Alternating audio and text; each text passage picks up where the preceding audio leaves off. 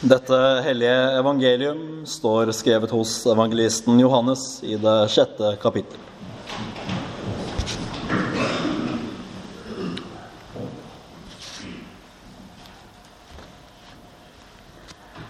Men da folket så at Jesus ikke var der, og heller ikke disiplene hans, gikk de i båtene og kom til Kapernaum for å lete etter Jesus. Og da de fant ham på den andre siden av sjøen, sa de til ham, Rabbi, når kom du hit? Jesus svarte dem og sa, Sannelig, sannelig, jeg sier dere, dere søker meg ikke fordi dere så tegn, men fordi dere spiste av brødene og ble mette. Arbeid ikke for den mat som forgår, men for den mat som varer ved til evig tid, den som menneskesønnen skal gi dere. For på ham har Faderen, Gud, satt sitt seil. De sa da til ham, Hva skal vi så gjøre for å gjøre Guds gjerninger? Jesus svarte og sa til dem, Dette er Guds gjerning, at dere skal tro på Ham som Han har sendt. De sa da til ham, Hva tegn gjør du da, så vi kan se det og tro på deg? Hvilke gjerninger gjør du? Våre fedre åt mannen i ørkenen, slik det står skrevet, brød fra himmelen ga han dem å ete. Jesus sa da til dem, Sannelig, sannelig, jeg sier dere, Moses ga dere ikke brød fra himmelen, men min far gir dere det sanne brød fra himmelen. For Guds brød er det som kommer ned fra himmelen og gir verden liv. De sa da til ham, Herre, gi oss alltid dette brødet. Jesus sa til dem, Jeg er livets brød. Den som kommer til meg, skal ikke hungre, og den som tror på meg, skal aldri noen gang tørste. Men jeg sa dere at dere har sett meg, og likevel tror dere ikke. Slik lyder det hellige evangelium.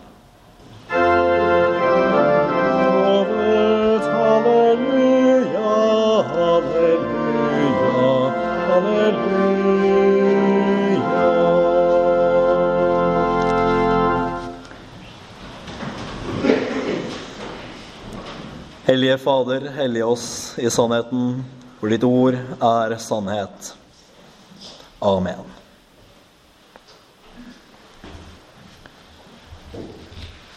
Det er eh, hyggelig å se at eh, det er litt mennesker på eh, gudstjeneste i Råttsund eh, kapell eh, i dag. Og jeg håper ikke det kommer som noe sjokk og overraskelse på noen at det er jeg som står her i dag. Jeg har lyst til å begynne å snakke litt om våre motiver for å holde oss nær til Jesus.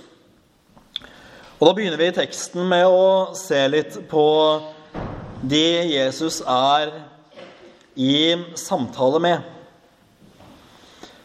For Jesus påpeker jo dette, at disse her de har et eh, helt pragmatisk eh, forhold til hvorfor de søker Jesus, og hvorfor de ønsker å holde seg nær til ham. De hadde jo blitt mette. Den teksten vi leste, den eh, foregår ikke så veldig lenge etter brødunderet. Og disse menneskene de skjønner at hm, ja, her er det mat å få. Denne mannen han gir oss mat, og, og det i overflod. Så han bør vi kanskje følge etter. Han bør vi kanskje holde oss nær, for det kan være mer der det kommer fra. De søkte ham ikke fordi de så på ham som en eh, frelser for syndere. Vi må huske på at eh, det var en enorm mengde som Jesus faktisk hadde mettet i brødunderet. Og at eh, alle disse skulle se på ham som Guds Messias, Guds hellige utvalgte. Nei, det er jo ingen selvfølge.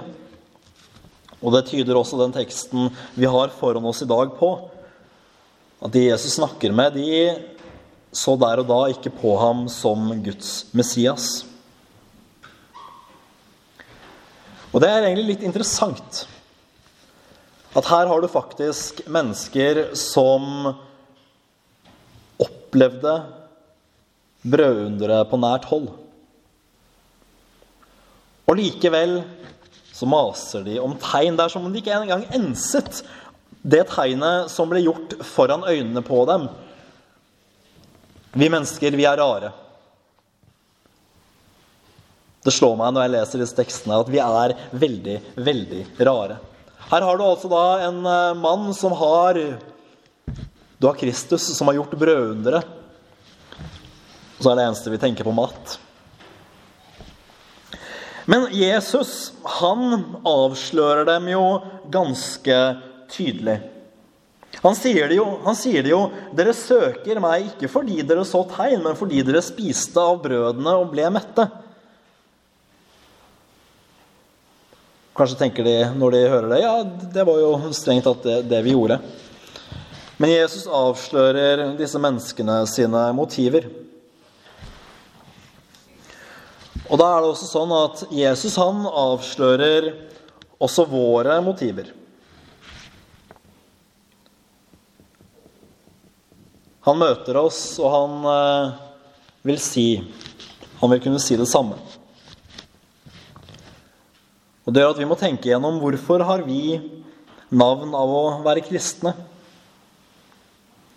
Hvorfor holder vi oss nær til Jesus?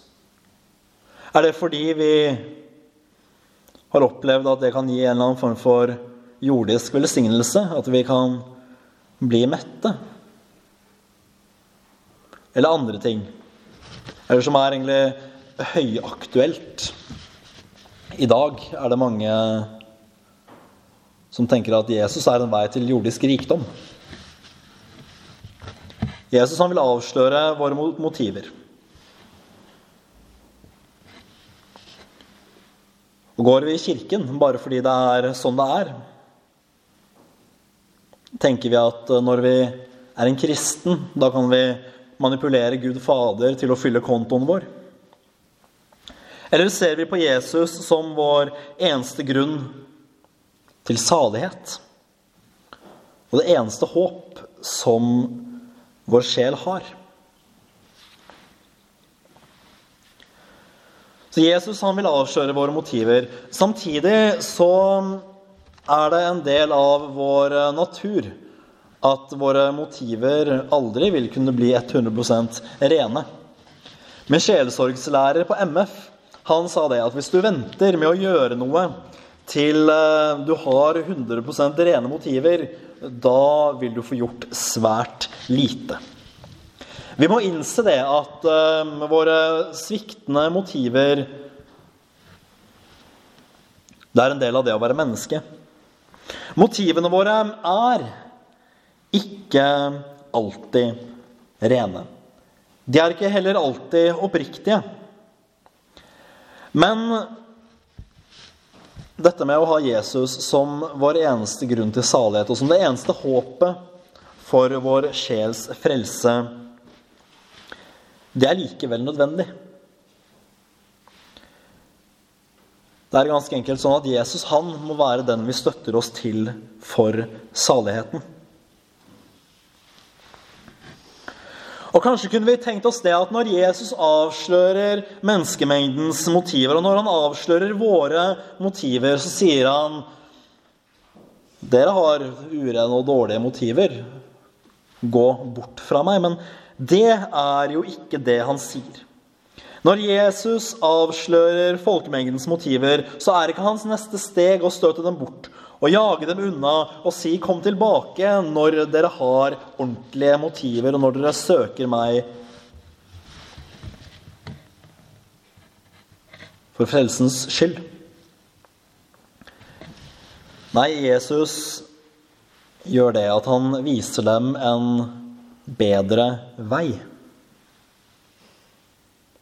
Han påpeker at ja vel, dere søkte meg egentlig bare fordi dere ville bli mette. Men uh, han viser dem en bedre vei. Han viser dem at han selv er livets brød. At han selv er Guds utvalgte, den som vi kan tro på for å få del i det evige liv. Og denne, denne bedre vei, den vil Jesus også vise oss. For Jesus har en bedre vei. Jesus er en bedre vei. En vei som overgår all form for jordisk velsignelse. En vei som gjør at vi kan si at vi er salige, om enn vi er aldri så sultne og fattige. For dette, vei, dette er veien til det evige liv. Dette er veien til frelsen. Dette er veien til himmelen. Og det er en mye bedre vei enn noen annen vei som vi mennesker kan gå på. Hva er vel mat?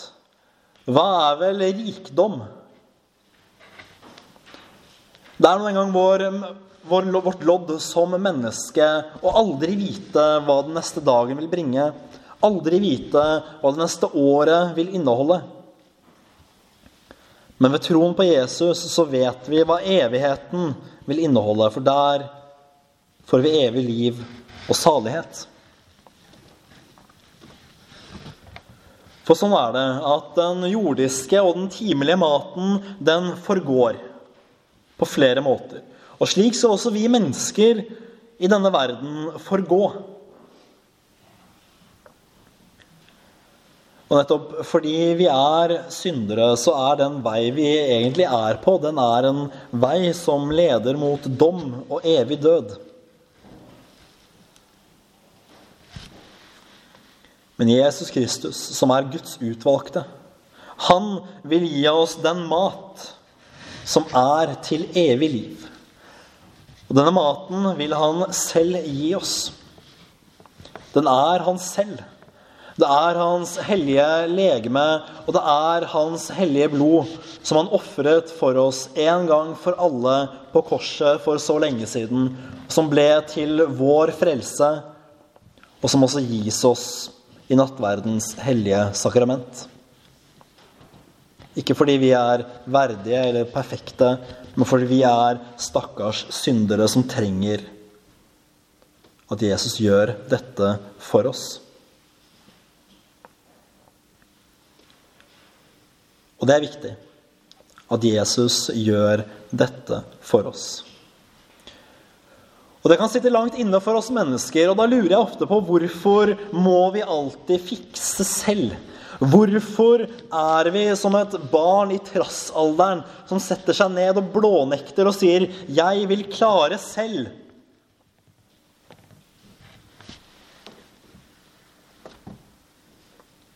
For det er jo det spørsmålet som disse menneskene i Bibelens tekst i dag stiller.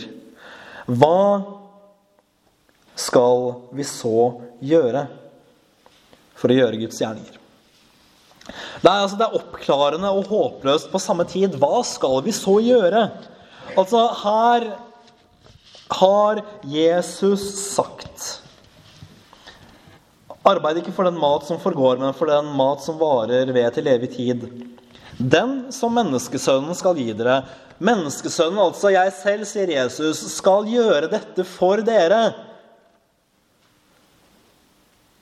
Og så er vi fullstendig håpløse. og Vi skal ikke mm, se på de menneskene som stiller dette spørsmålet i Bibelen og si at vi er noe som, noe, som, noe form for bedre. Jesus sier at 'dette her skal jeg gjøre for dere', og så er det neste spørsmålet ja, men hva skal vi gjøre?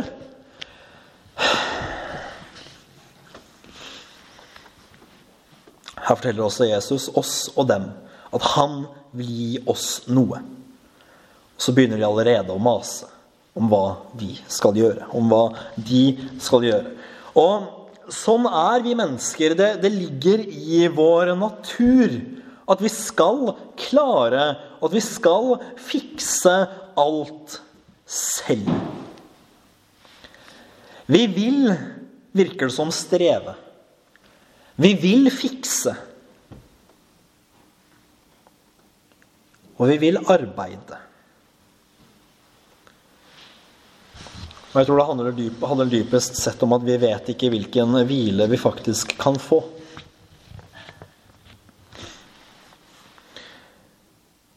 Men det er fullstendig vesentlig at vi slutter å streve. Vi er nødt til å slutte å streve for å oppnå vår egen frelse.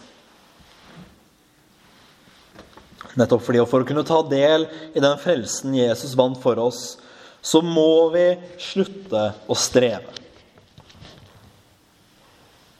Skal vi trøste oss på Jesus som vår eneste vei til himmelen, da kan vi ikke tenke at jeg kan legge noe til eller trekke noe fra for å fortjene dette. Eller også på motsatt side, at jeg skulle klare å gjøre en eller annen synd som gjør at Jesu offer ikke gjelder meg. Det er et paradoks at jo mer vi vil streve for å oppnå fortjene frelsen. Kanskje mest 'fortjene' er det ordet jeg burde bruke. Jo mer, vi opp, jo mer vi strever for å fortjene frelsen, jo mindre fortjener vi den.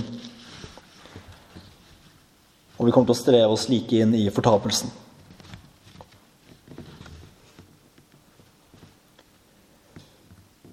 Det er nesten som om jeg allerede kan høre spørsmålet som følger nå.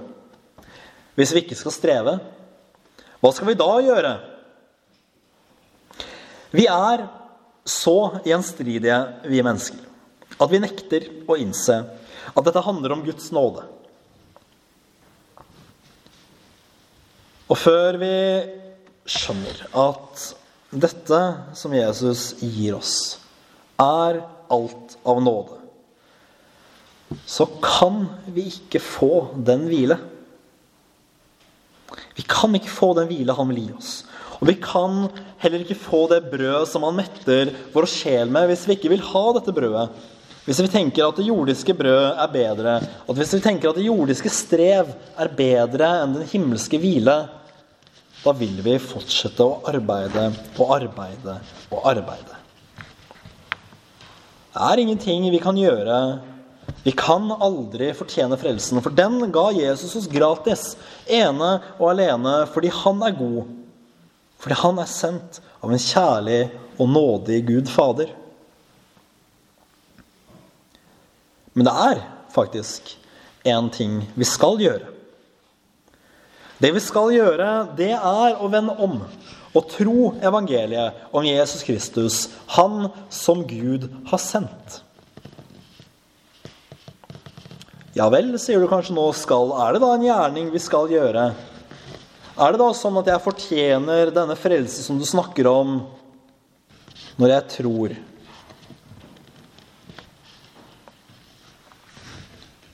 Troen er ikke vår gjerning.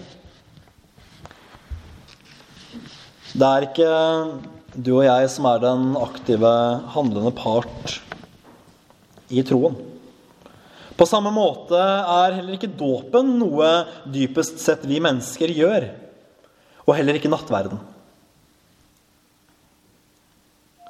Troen på Guds ord, på frelsen i Jesus Kristus og syndernes forlatelse i de hellige sakramenter, det er ikke noe dypest sett vi gjør. Det er Guds gjerning. Og skal vi gjøre denne Guds gjerning, det eneste Gud har behag i, så skal vi tro på den Herre Jesus Kristus og kanskje virker dette på en måte paradoksalt. Og vi mennesker er også absolutt en del av troen. Vi kommer ikke utenom det heller. At det er hvert enkelt menneske som i tro må gripe Jesu Kristi fortjeneste for å slik bli frelst. Men det er ikke en gjerning på samme måte som vi snakker om andre gjerninger i at det er noe vi gjør for å fortjene frelsen. Men det er ved Den hellige ånd som gir oss denne tro. Og ved denne troen griper vi da Kristus og får del i hans fortjeneste, rettferdighet for Gud og syndenes forlatelse. Hvert enkelt menneske må tro. Hvert enkelt menneske må omvende seg og tro evangeliet. Men vi lærer det i vår kirkes katekisme at denne tro kommer fra Guds hellige ånd selv. At vi ikke av vår egen kraft eller fornuft kan tro, men at det er noe Gud gir oss.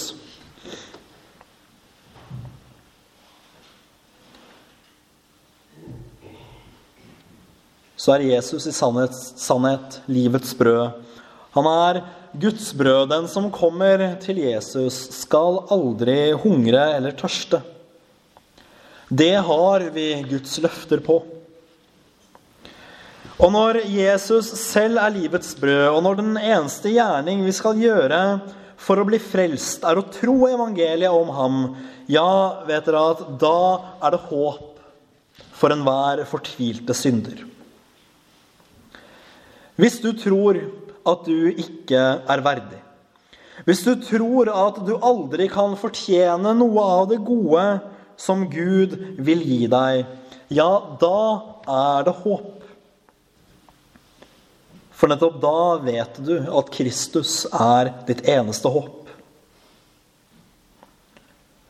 Og om du i din fortvilelse tenker at du er en aldri så stor synder, hvordan kan vel jeg bli frelst, tenker du. Jeg har jo gjort det og det og det, og livet mitt ser sånn og sånn ut.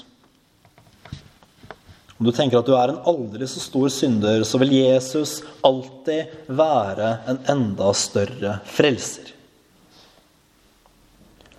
Og det skal vi holde fast ved. At omvendelsen og troen er i dag alltid en mulighet, for nå er nådens tid. Nå er omvendelsen fremdeles en mulighet. Men vi mennesker vi har det med å grave oss ned. Og Jeg har også tenkt sånn i deler av mitt liv Skulle han vel frelse meg? Jeg har jo gjort det og det og det. Jeg er et fryktelig dårlig menneske. Skulle han vel frelse meg? Og dere, dere hører jo hvordan dette her egentlig gir mening. Hadde jeg vært et godt menneske, hadde jeg vel hatt behov for frelsen. Når spørsmålet er skulle han vel frelse meg fordi jeg er en så stor synder, så er svaret at ja, så klart vil han det. Han har jo gjenløst hele verden. Når gjenløsningen gjelder hele verden, da er du også med. Men Kristus må samtidig gripes med tro. Og denne tro må forutgås av omvendelse. Og da har vi løftet om syndenes forlatelse. Omvendelse og tro. To så i utgangspunktet enkle ting. På en måte handlinger, men samtidig ikke gjerninger, slik vi gjerne forstår det, som skal fortjene frelsen. Men dette er alt som skal til. Dette er tilgjengelig for hvert enkelt menneske. Dette er viktig. Dette er dyrt, og dette er vakkert. For her er som sagt syndenes forlatelse. Og det er egentlig evangeliet oppsummert. Syndenes forlatelse for Jesu Kristi skyld. At syndere har en anledning til å få sine synder tilgitt. For å bli frelst er egentlig dypest sett ingenting annet nettopp det enn å få sine synder tilgitt. For når vi får disse syndene tilgitt, da springer det ut en hel rekke vakre konsekvenser av dette her. Og det er bare Jesus som kan tilgi oss våre synder. Og dette gjør han fordi han er god. Dette gjør han fordi han er nådig og ikke fordi vi fortjener det. Og Grunnen til at syndernes forlatelse er så viktig, er fordi pga. de dype og vakre konsekvenser. Der hvor syndernes forlatelse er, der er også evig liv og salighet. For det er våre synder som skiller oss fra Gud. Det er våre synder som leder oss til dommen. Så når vi får våre synder forlatt, ja, da blir ting noe ganske annet. Vi får evig liv. Vi får salighet. Vi går over fra døden til livet. Vi går over fra fortapelsen til saligheten. Der ligger frelsen, og den er tilgjengelig for alle mennesker.